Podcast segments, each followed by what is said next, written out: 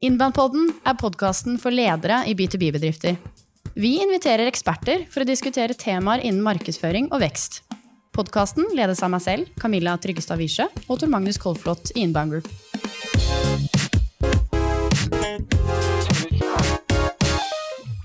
I dag er vi veldig heldige å ha med oss, hold deg fast, Martin, Norges beste møtebooker. Eh, Han hater å bli kalt det. Du skal få lov til å forsvare det senere. Men Ja. mange kjenner deg kanskje som det. Mm. Eh, På forsiden i Finansavisen i 2019. Driver med møtebooking. Brenner for å gjøre salget inspirerende. Det er uetisk eh, å ikke selge. Mm. De mener at folk skal være stolte av å jobbe med møtebooking og salg. Så vi gleder oss til å høre litt fra deg her i dag. Håper det er noen ekstra motiverte, særlig salgssjefer eller selgere i norske B2B-selskaper som bør, bør lytte i dag og virkelig ha ørene åpne. Mm. eventuelt dele episoden med, med noen du kunne tenke er interessert. Velkommen til deg, Martin.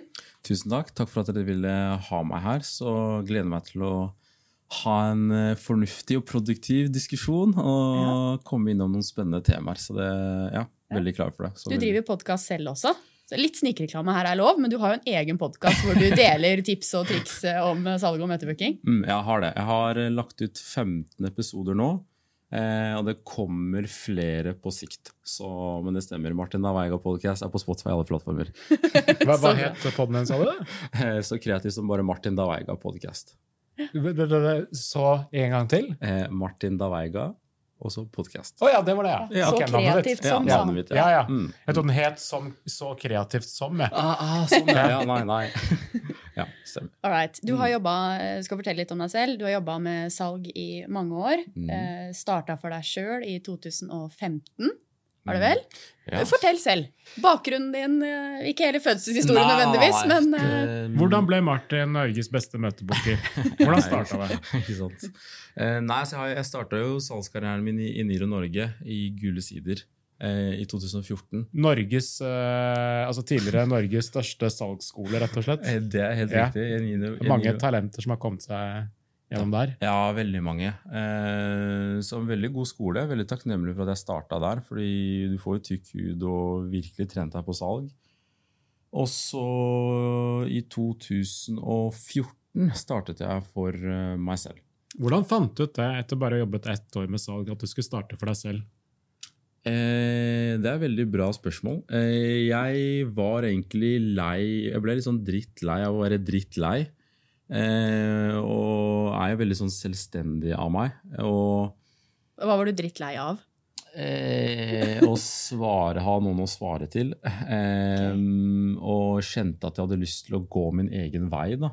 Eh, og bane opp og skape min egen vei. Jeg var litt lei av å ha um, Hadde gode ledere òg, altså, misforstå meg riktig. Um, men jeg var litt lei av å bli fortalt Jeg liker ikke alltid å bli fortalt hva jeg skal gjøre. Uh, og jeg er veldig sånn selvstendig og liker å ta mine egne beslutninger. Og um, hadde eh, til tider folk rundt meg som fortalte meg om å gjøre ting de ikke gjorde sjøl. og da tenkte jeg dette her kan jeg gjøre bedre. Og ja, tok steget ut, da. Ja. Eh, Hvordan skjønte du at salg var greia for deg? Ja? Åh, ja, ikke sant. Jeg tror Altså, jeg, jeg, jeg fomla jo litt inn i det, for det var en kompis av meg som rekrutterte meg inn til Gule Sider. Eh, men jeg hadde jo ikke, jeg ikke noe utdanning.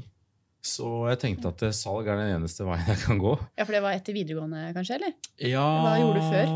Før det så jobba jeg bare i et treningsstudio som het Kondis i Lørenskog. Ja. Og før det i en som, eh, en helsekostbutikk som heter Sunnkost. Ja. Så Får jo solgt litt der. ja, jeg var god, Ja. På, god på å selge kosttilskudd også. Ja, så, god på mennesker og Ja, god Ja. på mennesker og på en måte bare øh, være åpen og inkluderende og på en måte Ja, kommer naturlig god i kontakt med mennesker. Så salg ble bare en naturlig vei fordi jeg har ikke noe utdanning, jeg har ikke noe annet å satse på. Og ja, det her kan jeg på en måte bare gønne på, legge inn innsatsen, og så er det ikke noe tak. Det handler bare om å putte inn arbeidet. Da. Mm. Det som kanskje har trigga meg også, utviklingsmulighetene og eh, det at det er ikke noe tak på det å prestere innenfor salg i forhold til eh, å bli kompensert, men også ja, bare Det bare beit meg skikkelig. Eh, og fått en sånn obsession rundt salg, egentlig. Ja. Bare syns det er veldig gøy. Og du har drevet for deg selv nå i det blir nesten ti år, da. Stemmer det? Hva er liksom essensen av det? Jeg vet du driver med kurs, coaching, du Mm. leier deg selv ut som møtebooker til eh, norske selskaper. Mm. Er det litt sånn kort, opp, kort oppsummert? Ja, Riktig? stem- Ja, Ja. stemmer det. Mm. Ikke sant? Mm. Hva, hva er liksom Hva brenner du for? Altså, Visjonen min, eller det på en måte som jeg har sånn litt sånn tidløs visjon rundt, det er kunne liksom å skape produkter og tjenester eh, som hjelper folk med å få løst problemer som de har, eller hjelper dem å oppnå potensialet som de sitter på, mens jeg har det veldig gøy på veien, koser meg, eh, tar vare på dype og meningsfulle relasjoner, eh, har kule og minnesrike opplevelser, eh, samtidig som jeg tjener godt på veien og kan gi tilbake. Så det, det, på en måte, det å kunne ha den prosessen gående til enhver tid, det syns jeg er eh, ekstremt givende. Jeg syns det er dritgøy, kult, og det, det gjør meg takknemlig da, i, i, i hverdagen da, eh, når jeg får lov til å gjøre det. Og jeg syns det bare er jækla gøy å skape og bare gå etter noe, bare gå all in for å på en måte få til noe. Jeg er jo glad i, i salg selv og veldig opptatt av salg. Ja, mm, Men jeg husker det er så veldig gøy å ringe rundt og få masse nei. mm, Avvisninger. Avvisninger. Hva er ditt forhold til avvisninger? Eller er det sånn at alle du ringer til, de bare Yes, dette må jeg, jeg vil gjerne ha møte med deg. Nei, selvfølgelig ikke. Jeg får jo absolutt ikke ja med alle, alle jeg kontakter. bare for å legge, legge det der.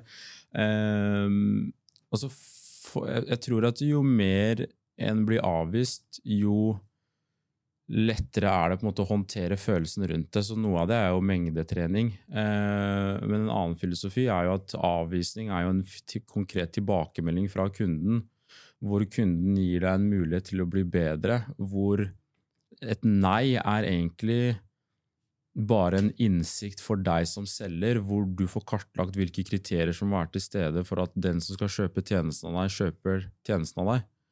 Så ved å analysere nei-årsakene, så er det det som gjør at vi blir bedre som selgere, mener jeg, da. Eh, For den informasjonen er selve nøkkelen til å bli litt råere for hver uke som går. Så avvisning fungerer egentlig som en veldig god venn. Eh, Det er det å bare se det på den måten. Og altså er min opplevelse i tillegg at så lenge eh, når en etter hvert skjønner hvordan man skal etablere og bekrefte behov som selger, så er det bare en del av prosessen å gå gjennom de nei-ene for å finne frem til det behovet som er riktig for deg og kunden. Mm. Da handler det ikke om at det nei-et er en avvisning mot eh, oss personlig som et individ. Eh, det handler mer om å bare ekskludere og identifisere hvor er det et reelt behov, hvor jeg kan hjelpe kunden, og kunden kan få glede av det jeg selger. Da. Men er det ikke sånn at ved en avvisning så får man ikke så veldig mye informasjon om hvorfor den avvisningen kom? De bare vil ikke snakke med deg? Eh, i, ikke nødvendigvis, fordi hvis man evner Nei takk, jeg er ikke interessert. Pip, pip, pip, pip. Den, den, den er litt vanskelig. Eh, for da rekker man på en måte ikke å bare Du, unnskyld, jeg skulle bare høre grunnen til at du ikke var interessert. Jeg. Ja. Eh, men så, sånn, når jeg har fått den for eksempel på telefonen Du, nei takk, jeg er ikke interessert. Altså, ja, okay, du er interessant, men Er det sånn at du har fått en orientering fra oss tidligere og sammenlignet oss opp mot det du har fra før av? Er det derfor du kom frem til den konklusjonen? Da kan jeg stille det spørsmålet. da. Ja. Uh, og det krever jo litt mot å gjøre det. Istedenfor å bare si OK, da, ha det bra. Ja, ja nettopp. ikke sant? Og, og da skjønner jeg at når eh, Hvis man tør å på en måte gjøre det, og utfordre litt på en pen måte, så kan kunden ende opp med å gi det reelle svaret. Og si vet du hva, nei, jeg, jeg har så mye å gjøre nå, jeg orker ikke å tenke på noe før sommeren. Og da skjønner du bare at du kanskje traff dem på et dårlig sted, men ellers så sier de nei, vet du jeg er kjempefornøyd med det jeg allerede har, og jeg har ikke tenkt til å bruke tiden min på å vurdere noen andre. Og da skjønner du at ok, da må jeg respektere at kunden har tatt, et, nei, tatt den beslutningen. Da. Mm. Så det er det bare å tørre å grave, Mm. uh, uavhengig om de sier ja eller nei. Da. Hva er um, du, du, omfavner jo nei og bruker avvisning som en mulighet. Ja.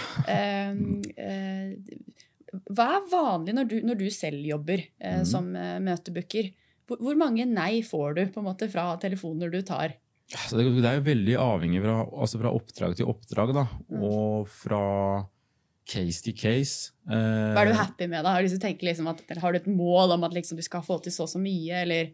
Ja, det jeg prøver å stille meg inn på, er så lenge altså Hvis jeg tenker i løpet av en time, da, en 60-90 minutters fokusert ringesesjon, så på det dårligste klarer minimum å booke ett kvalifisert eh, møte i timen. Eh, og på det mm, bærekraftige opp mot det bedre eh, fem kvalifiserte møter i timen. Mm. Så Og det volumet er helt um, Altså, det kommer helt an på i forhold til hvor godt lista, eller hvor godt uh, forarbeid som har blitt gjort i forhold til listen. Uh, og det kommer også veldig an på okay, hvor, hvor, tøff er bookingen. Hvor mange kriterier skal være til stede for at det er et kvalifisert møte. For Jo flere kriterier, jo, jo større er gravejobben for å finne de kvalifiserte kundene som faktisk matcher det behovet vi er på utkikk etter. Da. Så det er mange variabler som mm. gjør at eh, det kan gå fra fem til ett møte i timen. fordi Er det flere kvalifikasjoner, så tar det lengre tid å finne frem til den personen på telefonen som møter de kriteriene. Mm. Er det bare møte med daglig leder og vi vil presentere oss, så kan fint komme opp i fem og kanskje seks møter. Eh, ikke sant? Mm.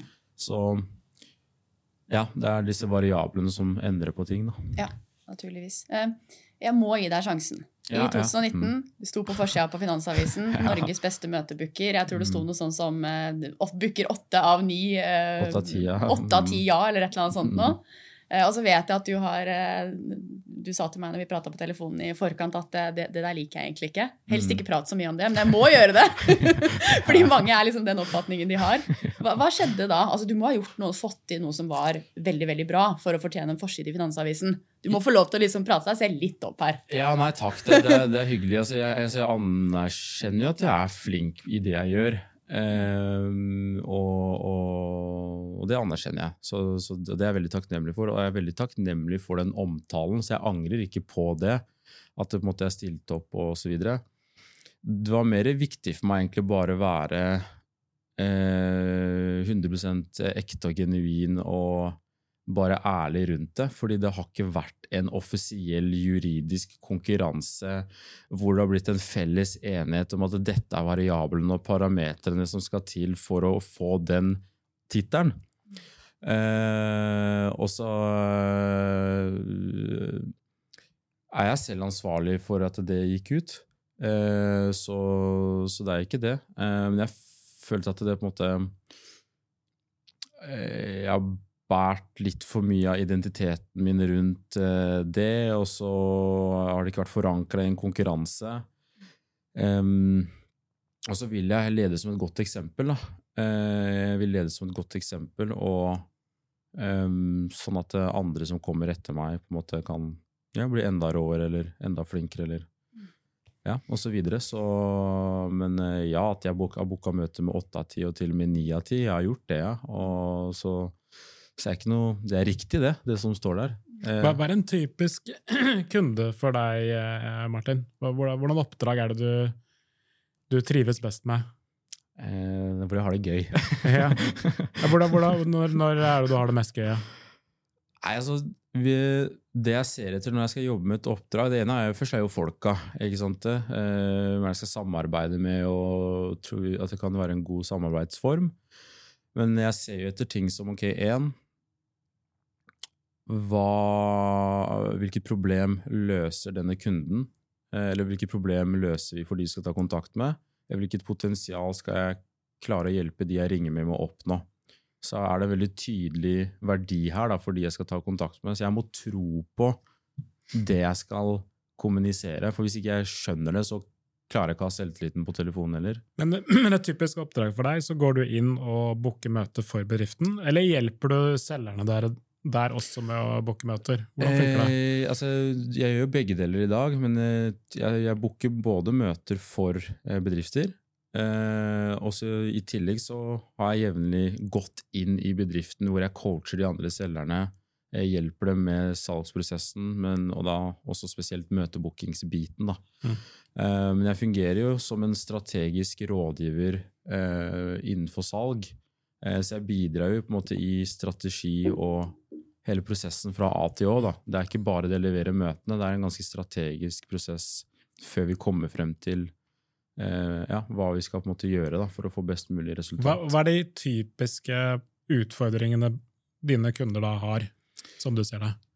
Én Eh, er at de typisk ikke har eh, klarhet og nok tydelighet i hva som er et kvalifisert møte. Eh, det er nummer én. Og At de booker liksom fl- møte med feil folk, eller? Ja, at de, de, de booker eh, møter. Eh, De har kanskje en erfaring med møtebooking, men den erfaringen er at møtene blir ikke, resulterer ikke i salg så ofte, eller at det kan være mye kaffemøter, eller at det blir booket et møte bare for at det blir booket et møte. Så jeg opplever kanskje at mange ikke har tydelig nok definert ok, hva, hva er det behovet, og eh, hva er beviset for at kunden har det behovet. Det er bare at ok, ja, de må ha behov. Ja, Men hvordan vet vi at kunden har behov? Ikke sant? Er det at de må ha minimum to utviklere fra dere, som skal være på minimum seks måneder eh, avtale, hvor de må ha minimum budsjett på 200 000 kroner? Er det behovet de kundene dere ser etter? Ok, nei, men Da skjønner jeg hva jeg skal se etter på telefon. Ok, Så det sier nå egentlig at det er mye, mange selskaper der som er dårlige på prospektering. dårlig Dårlige Ja. på å definere hvem er de drømmekundene Ja. vi skal selge til. Ja, definitivt. Ikke sant? Så er det liksom, ja, Hvis du får booket møte med det og ikke closer dem, så har du et annet problem. Yes. Da er du en dårlig closer, på en måte.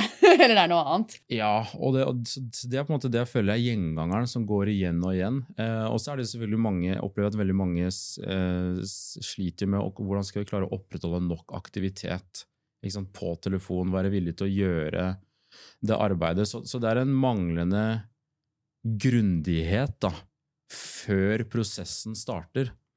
Og særlig på prospekteringen og det å definere hva som er et kvalifisert møte. Og at hvis man har møtebooker internt, at argumentasjonen og kommunikasjonen ikke er godt nok forberedt. Så, og det gjør at de som sitter og gjør jobben, ikke har den selvtilliten og tryggheten på det de skal møte på. Fordi det er manglende forberedelse. Da.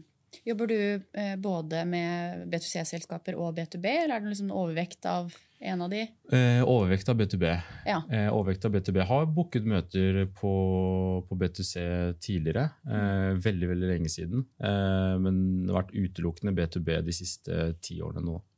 Ikke sant? Så ja. Er det sånn eh, Har du jobbet også med selskaper hvor, hvor det på en måte ikke er rene selgere, men det er eh, fagfolk eller konsulenter som har ansvar for å selge selv også?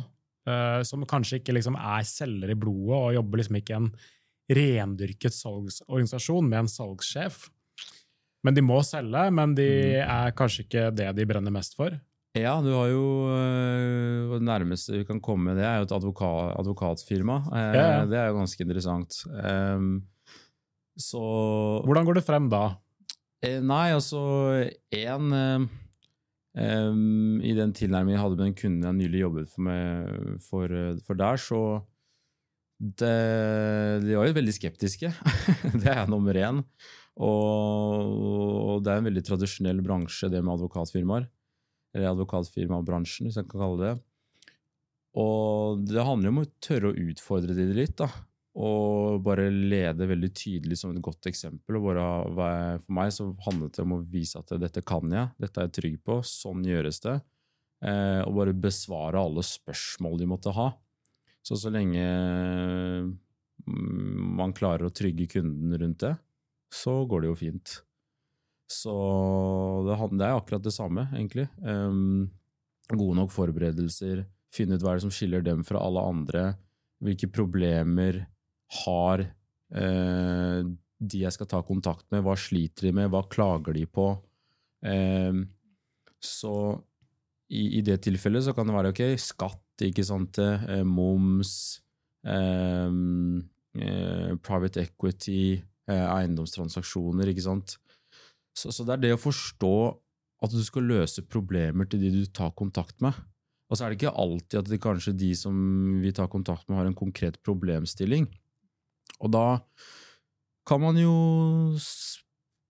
kanskje prøve å finne andre vinklinger, eh, som på en måte å spille på om man kan være en optimal samarbeidspartner, eller at man ønsker å starte en relasjon eh, for å på en måte senere bli vurdert eller husket.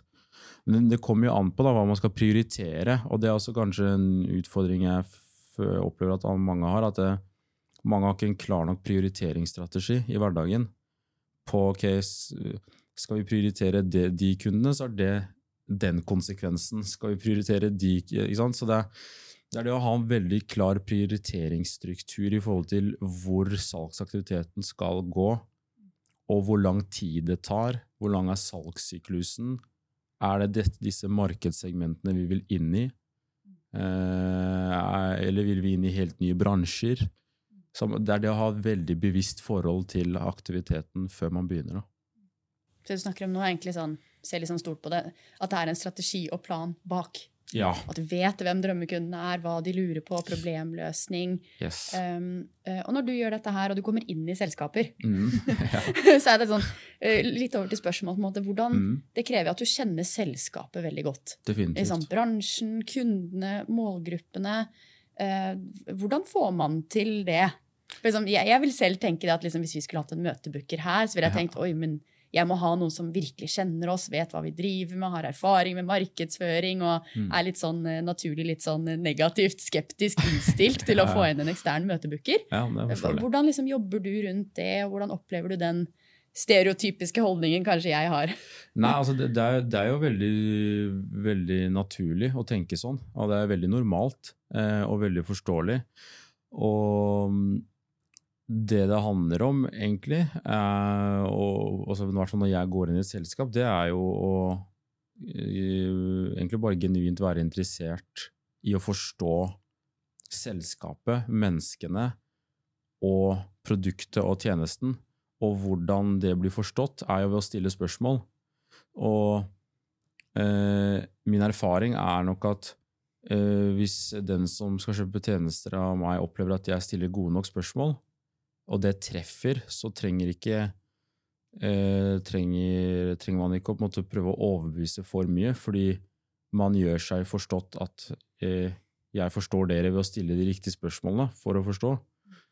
Så Gjør den gjennomsnittlige møtebookeren i Norge det? Nei, men eh, Mange som kan bli mye flinkere på det, ja. Det, det er nok det som skiller de som er i det øvre sjiktet fra det lave, lavere sjiktet. Det er jo Du trenger ikke å være en ekspert. Du trenger å forstå hvordan du skal stille spørsmål.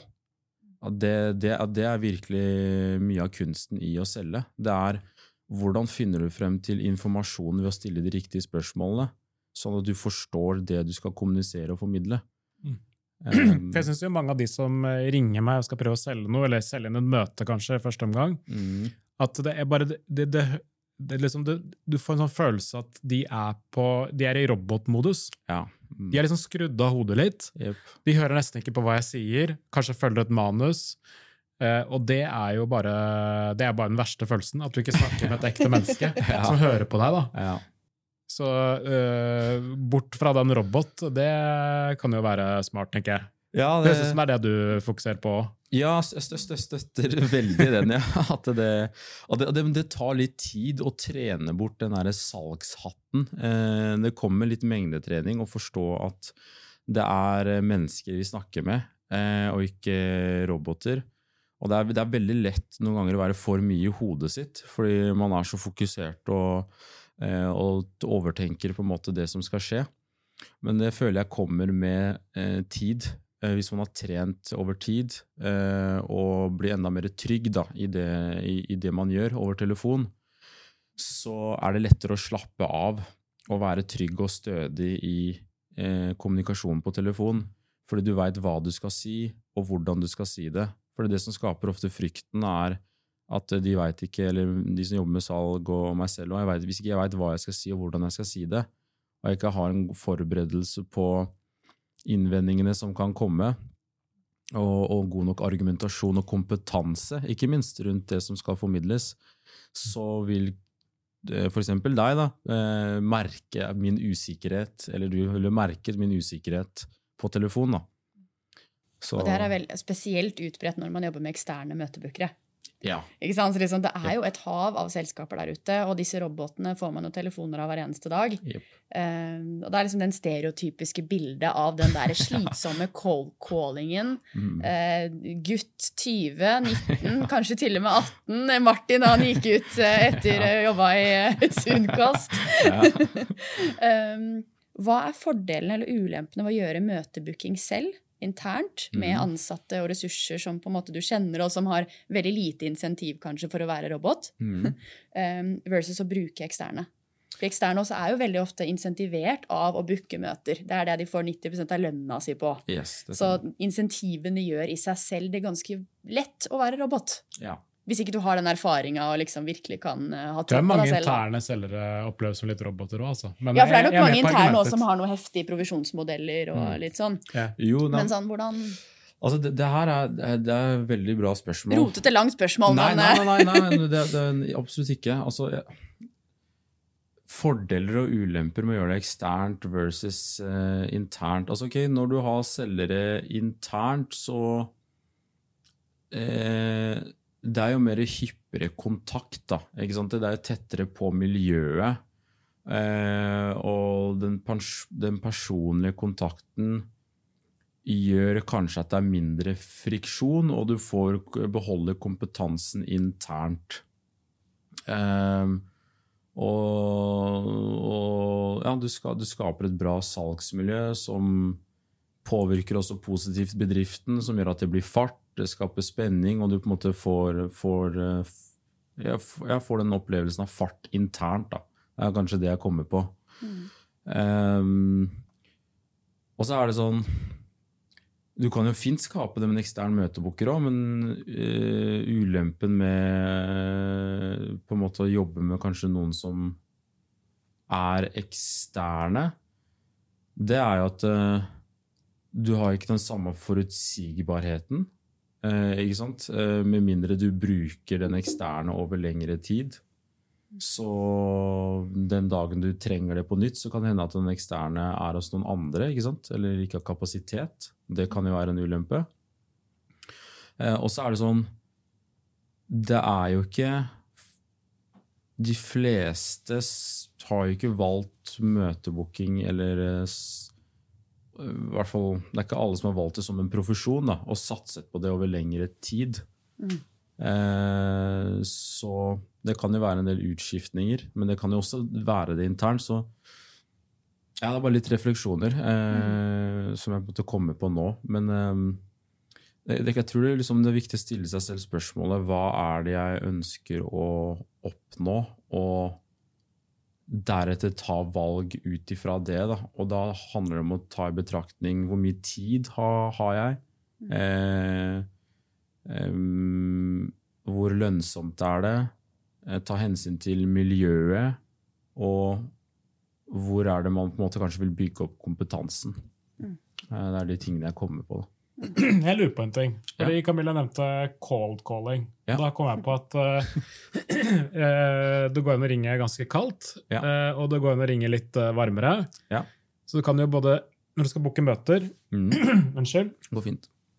Så kan du ringe til folk som aldri har hørt om deg før. Så blir det ve veldig kaldt. Eller du kan ringe til noen som kanskje har hørt om bedriften før. Litt mindre kaldt. Eller du mm. kan ringe til noen som kanskje til og med engasjert seg litt i bedriften, har vært med på et uh, webinar, frokostseminar, eller liksom vært liksom litt engasjert i markedsføringen til ja. bedriften. Stemmer. Eller det kan være folk som nesten har blitt bedt om å bli kontakta, liksom. Mm. Jeg vet ikke om liksom, den type ting er så aktuelt i din verden, men så du har, du har, mange varianter her, da. Ja, det har du. Og vi som er B2B-markedsførere, vi liker jo å liksom, sørge for at markedet blir varmt. da. At uh, når man først skal ringe, så har de hørt ham før og helst har vært inn på nettsiden uh, i den senere tid eller vært med på et webinar. eller noe sånt. Ja. Hva er dine tanker rundt uh, det der? Hvor, uh, hvor viktig eller uh, uviktig er det i forhold til hvor, hvor, varmt man ringer, på en måte, eller kaldt? Og eventuelt hvordan du samarbeider med markedsavdelinger og i ditt arbeid, da? Ja, nei, det er bra, gode spørsmål. Eh, altså, det er ikke noe å legge skjul på at eh, som selger, så jo, jo, varmere et lead er, eh, jo hyggeligere er jo det. Eh, så det gjør bare at jobben blir enklere. Allikevel så vil jeg si at jeg tror at mange kanskje overtenker hvor varmt et lead må være for å få et kvalifisert møte.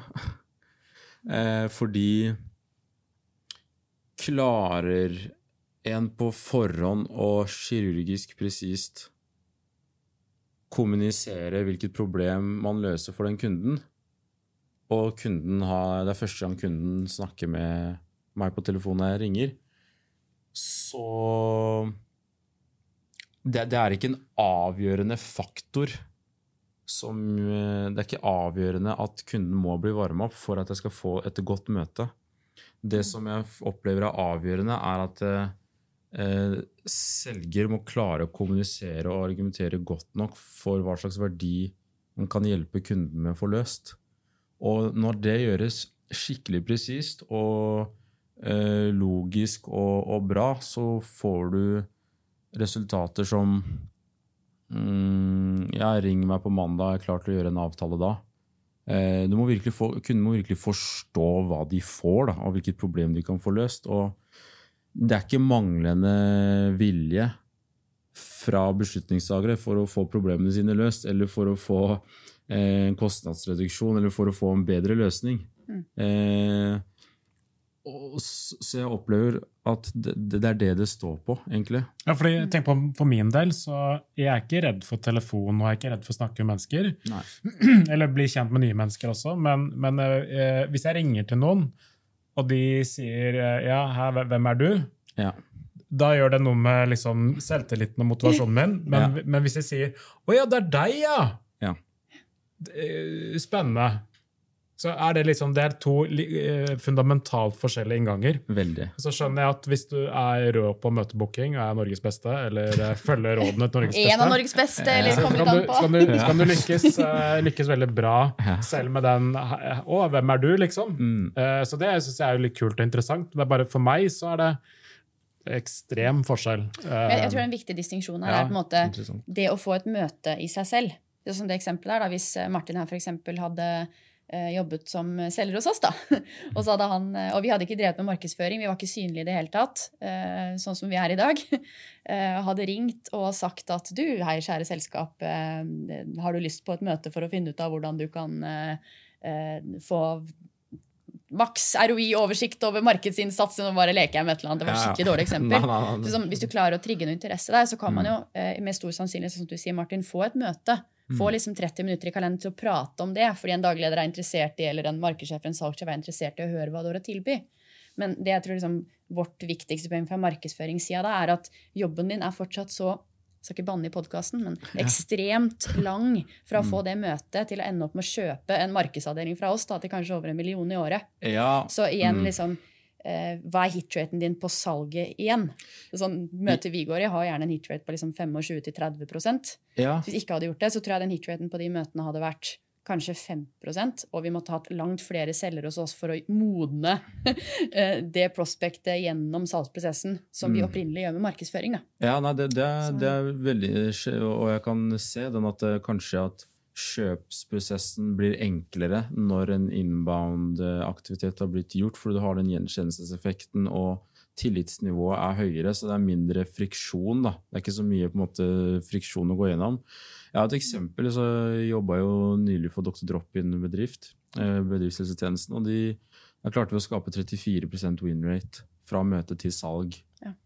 Så um, sånn konservativt når jeg går ut og jobber med kunder, så, så sånn for at jeg ikke overselger, så sier man jo 10-20 hit rate. da, er ofte de fleste pleier å beregne med. Eh, men målet mitt er jo å klare å få til 30-40 fra møte til salg. Ja. Um, og, for da føler jeg at da vil treffe relativt greit, og alt over det er veldig bra. Mm. Og Dr. Drop-In har jo de fleste hørt om, så jeg tipper det mm. hjelper litt. Grann, Mm. Ja, helt riktig. Hvis du hadde gjort det for fem år siden, eller jeg husker ikke når Dr. Drop-In begynte, men mm. Eh, så hadde kanskje den hitraten vært vesentlig lavere. Ja, og, og, du kunne prisa dine møtebookingstjenester vesentlig lavere også. Helt kanskje. riktig. Ja, og det, mm. og det, er akkurat det dere sier her. Det er, sånn, det er så mange variabler igjen i forhold til dette med hitrate, både fra hitrate til møte, men også hitrate til salg. da. Eh, og jo mer kjent merkevare, jo lettere kan det være. Så det, det er jo veldig viktig det å, å på en måte ha en altså, gjøre en det å ha en innmannsstrategi. Jeg ser jo enormt verdi av det. Og det beste er jo at salg og markedsføring samarbeider i, sin, i synergi. Eh, for det gjør jobben min veldig mye lettere eh, med støtte fra markedsføringsaktiviteter. Mm. Men det er ikke sånn at selv om man ikke er kjent, og selv om man eh, ikke har gjort masse bra markedsføring eller innbanen markedsføring først, mm. så er ikke løpet kjørt. Det går an å booke møter allikevel, ja. så lenge man uh, gjør det på den ordentlige, riktige måten. Det, definitivt. Det er, det er, poenget mitt, og det er erfaringen min også. Jeg jobba med startups Selv om ikke jeg har lyst til denne den ringjobben, så ja. er det fullt mulig å få det til å bli bra. Ja, det, det, det er helt fair. men det, stemmer det du sier. og Jeg har jobbet for startup, eh, jeg husker en renholdsstartup som jeg har jobbet for. Og det var sånn Hæ? Når du sier ja, uh, Weeklead, hvem er dere? Um, for en god stund tilbake. Men selv da booket møte med mange av de største bedriftene i Norge. Uh, fordi jeg er forberedt på Hæ, hvem er du? så jeg skjønner at uh, jeg måtte si du, Hei, det er Martin som ringer ifra. Du, uh, så sier de ja, hæ?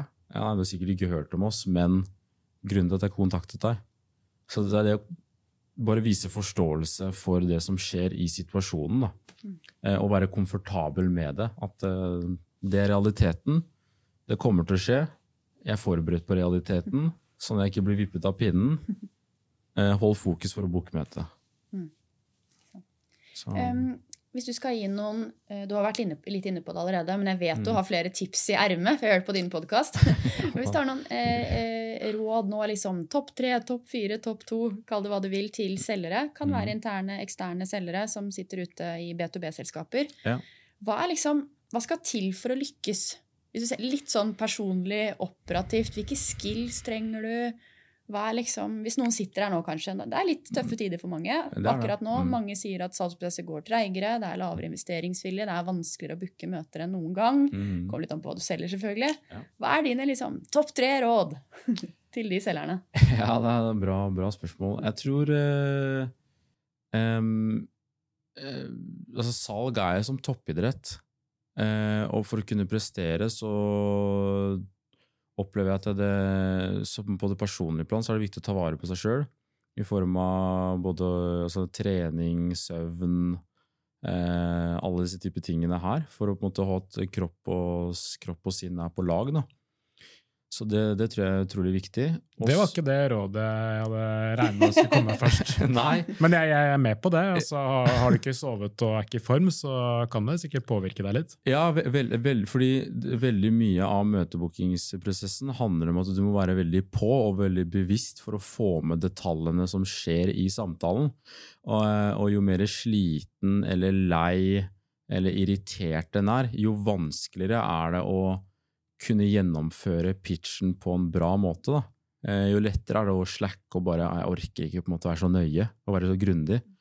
Du må ha overskudd, rett og slett? Ja, må ha overskudd, ja. Definitivt. Og så, så, så, det er på en måte det, det, første. Og så nummer to så tror jeg det er viktig å være eh, litt bevisst på okay, hva er det som eh, gir meg glede, og hva er det som inspirerer meg? Hva, det, hva, hva slags insentiver ønsker jeg å ha som jeg ønsker å jobbe imot? Eh, hva er det jeg ønsker å hjelpe bedriften som jeg jobber oss med? Hva er det jeg ønsker å få ut av det? Og rett og slett hele tida gi seg selv mål og insentiver som driver en fremover, da, sånn at det er gøy, sånn at han har noe å jobbe imot.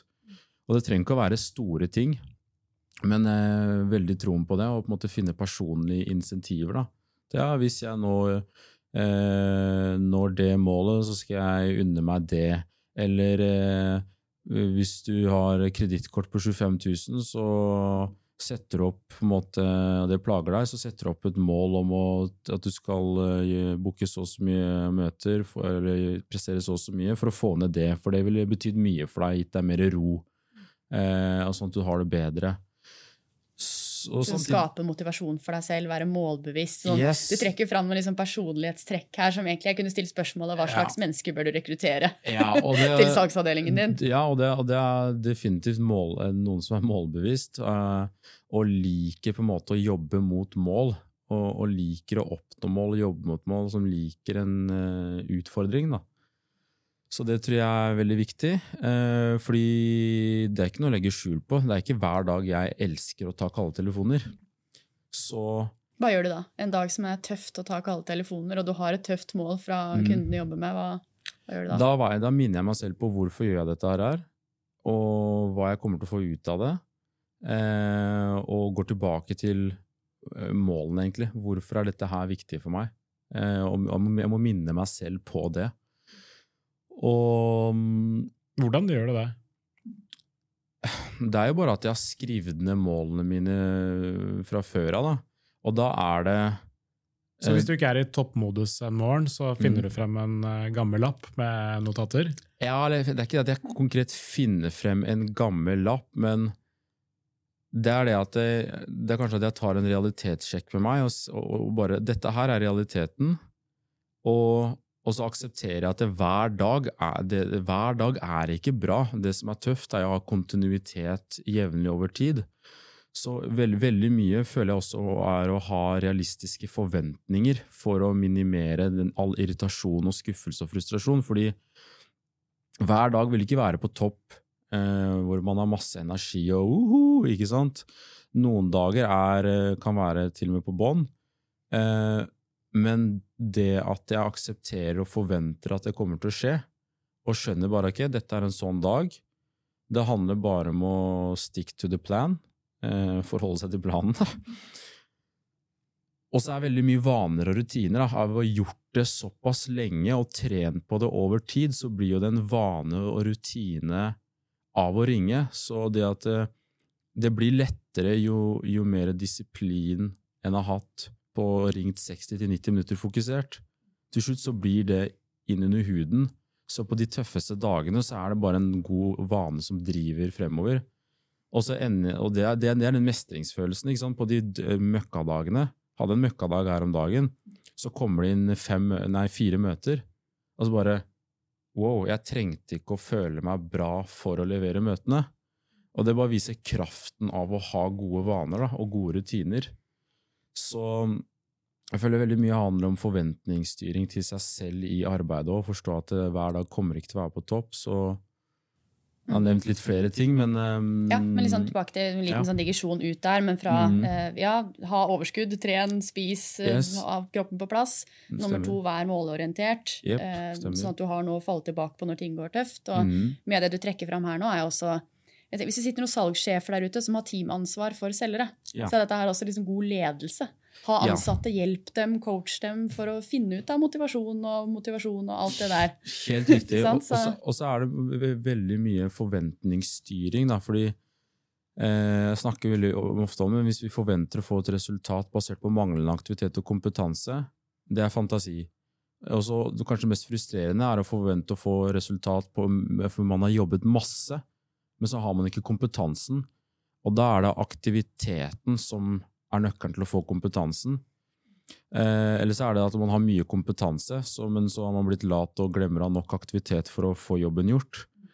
Så ved å på en måte ha nok aktivitet og nok kompetanse, forstå det, og samtidig eh, være bevisst på at å akseptere at ok, det er ikke hver dag kommer ikke til å være at tanken min er full, så jeg må lytte til kroppen og vite når jeg skal koble av og kose meg og balansere det. Så vil, er det lettere å kunne ha kontinuiteten, fordi eh, da lever man mer i realiteten av salgshverdagen, og ikke på en måte gå rundt og bli sykt irritert og frustrert fordi ting ikke er som det er. Da er det veldig logisk på hvorfor ting ikke skjer som det skjer. da. 'Å, jeg har ikke ringt nok i dag.' Ja, derfor har jeg ikke fått møtene mine. Eh, og jeg har sovet lite i dag og merker at i dag så er jeg ikke jeg er litt på bånn. Eh, jeg må akseptere at det er en sånn dag. Eh, bare push gjennom. Eller ta, helt, eller ta helt fri. Tredje tips, da.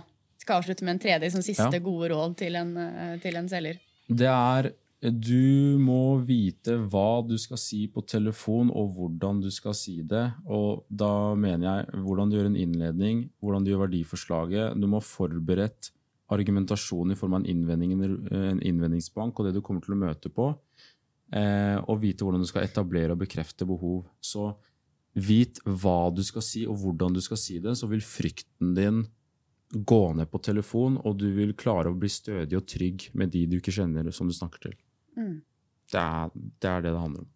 Ikke sant? Og sy hvordan systematiserer man det? Jeg vil her om CRM kommer inn, og de har egne episoder om, så jeg skal ikke prate masse om det nå. Men sånn, det systematiske arbeidet og det du pratet om litt i starten av episoden, dette med Ja. å uh, bruke avvisninger til en mulighet. Liksom, Hvordan jobber du med det? Det, det, er, det er helt riktig. Det er her systematikken kommer inn. Det er en innledning, det er et verdiforslag, det er eh, hvordan etablere og bekrefte behov, innvendingsbank og close. Eh, men hvordan konkret jobbe med det, er loggføring av informasjon. Så alle responser loggføres, analyseres, og så ved å analysere så finner jo man ut mønstre. Og etter hvert så er det markedet som blir din beste venn, som utdanner deg på hvilke kriterier som skal være til stede for at eh, kjøpere skal kjøpe av deg. Så på den måten så vil man kunne finne problemene i markedet presist. Og når du finner det på telefon, så tenker du at ah, kanskje det er flere som har det samme problemet. Oi, ja, så plutselig så ringer du til en bransje som alle sitter med det samme problemet. Og så kommer møtene easy-peasy, fordi du fant koden, knakk koden. da. Mm. Og det, så det er virkelig det å identifisere problemet, og neiene og informasjonen er nøkkelen til å Har du, et eksempel på en sånn kodeknekking? Ja, definitivt. Mm. Um, kan jo ta Når jeg jobba med ressursbank, um, så husker jeg ringte Hva er det? Ressursbank der de driver med forbrukslån, men også delbetaling. Da. Ja. Eh, så det var litt morsomt, for da ringte jeg til en eh, e-commerce manager, ga pitchen, og så sier han 'hvordan da?' Jeg bare Oi.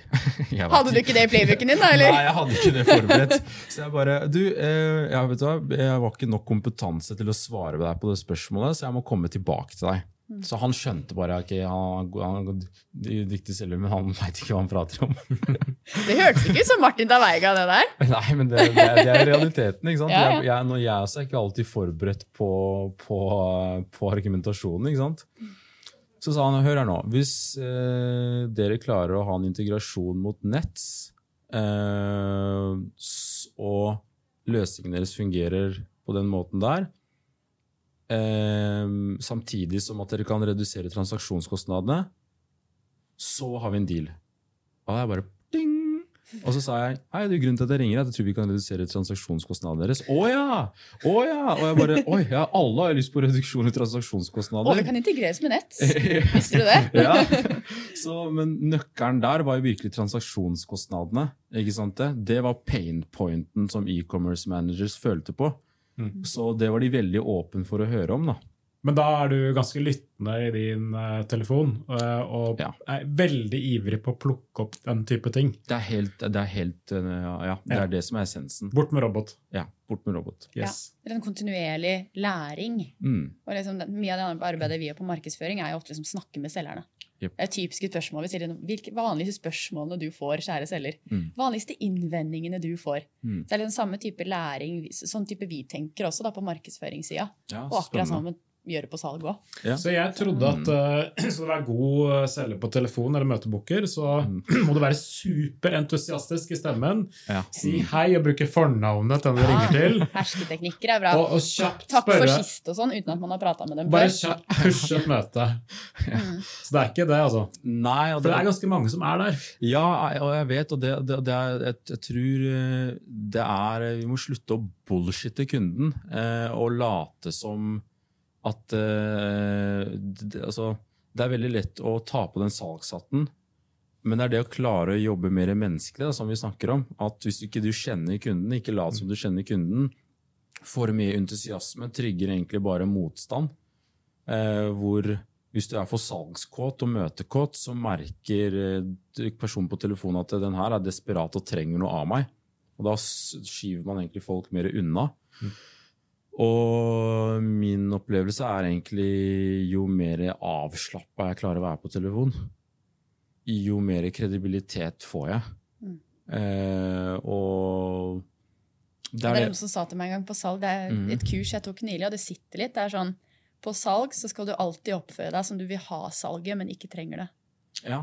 Og den, den, liksom, den, den, slår meg litt innimellom. Den som tenker at Når jeg blir litt for sånn gira, eller kanskje har et salgsbudsjett vi skal nå, og jeg vet at liksom, vi trenger den kunden i går men det må du absolutt ikke liksom vise. Det er litt sånn tricky. Ja, det, det er lettere sagt enn gjort. Altså, alle disse tingene snakker jeg om, før jeg har vært veldig møtekåt og salgskåt sjøl og blir veldig fort gira. Men så ser jeg at For jeg bare 'Jeg ser jeg kan hjelpe deg'.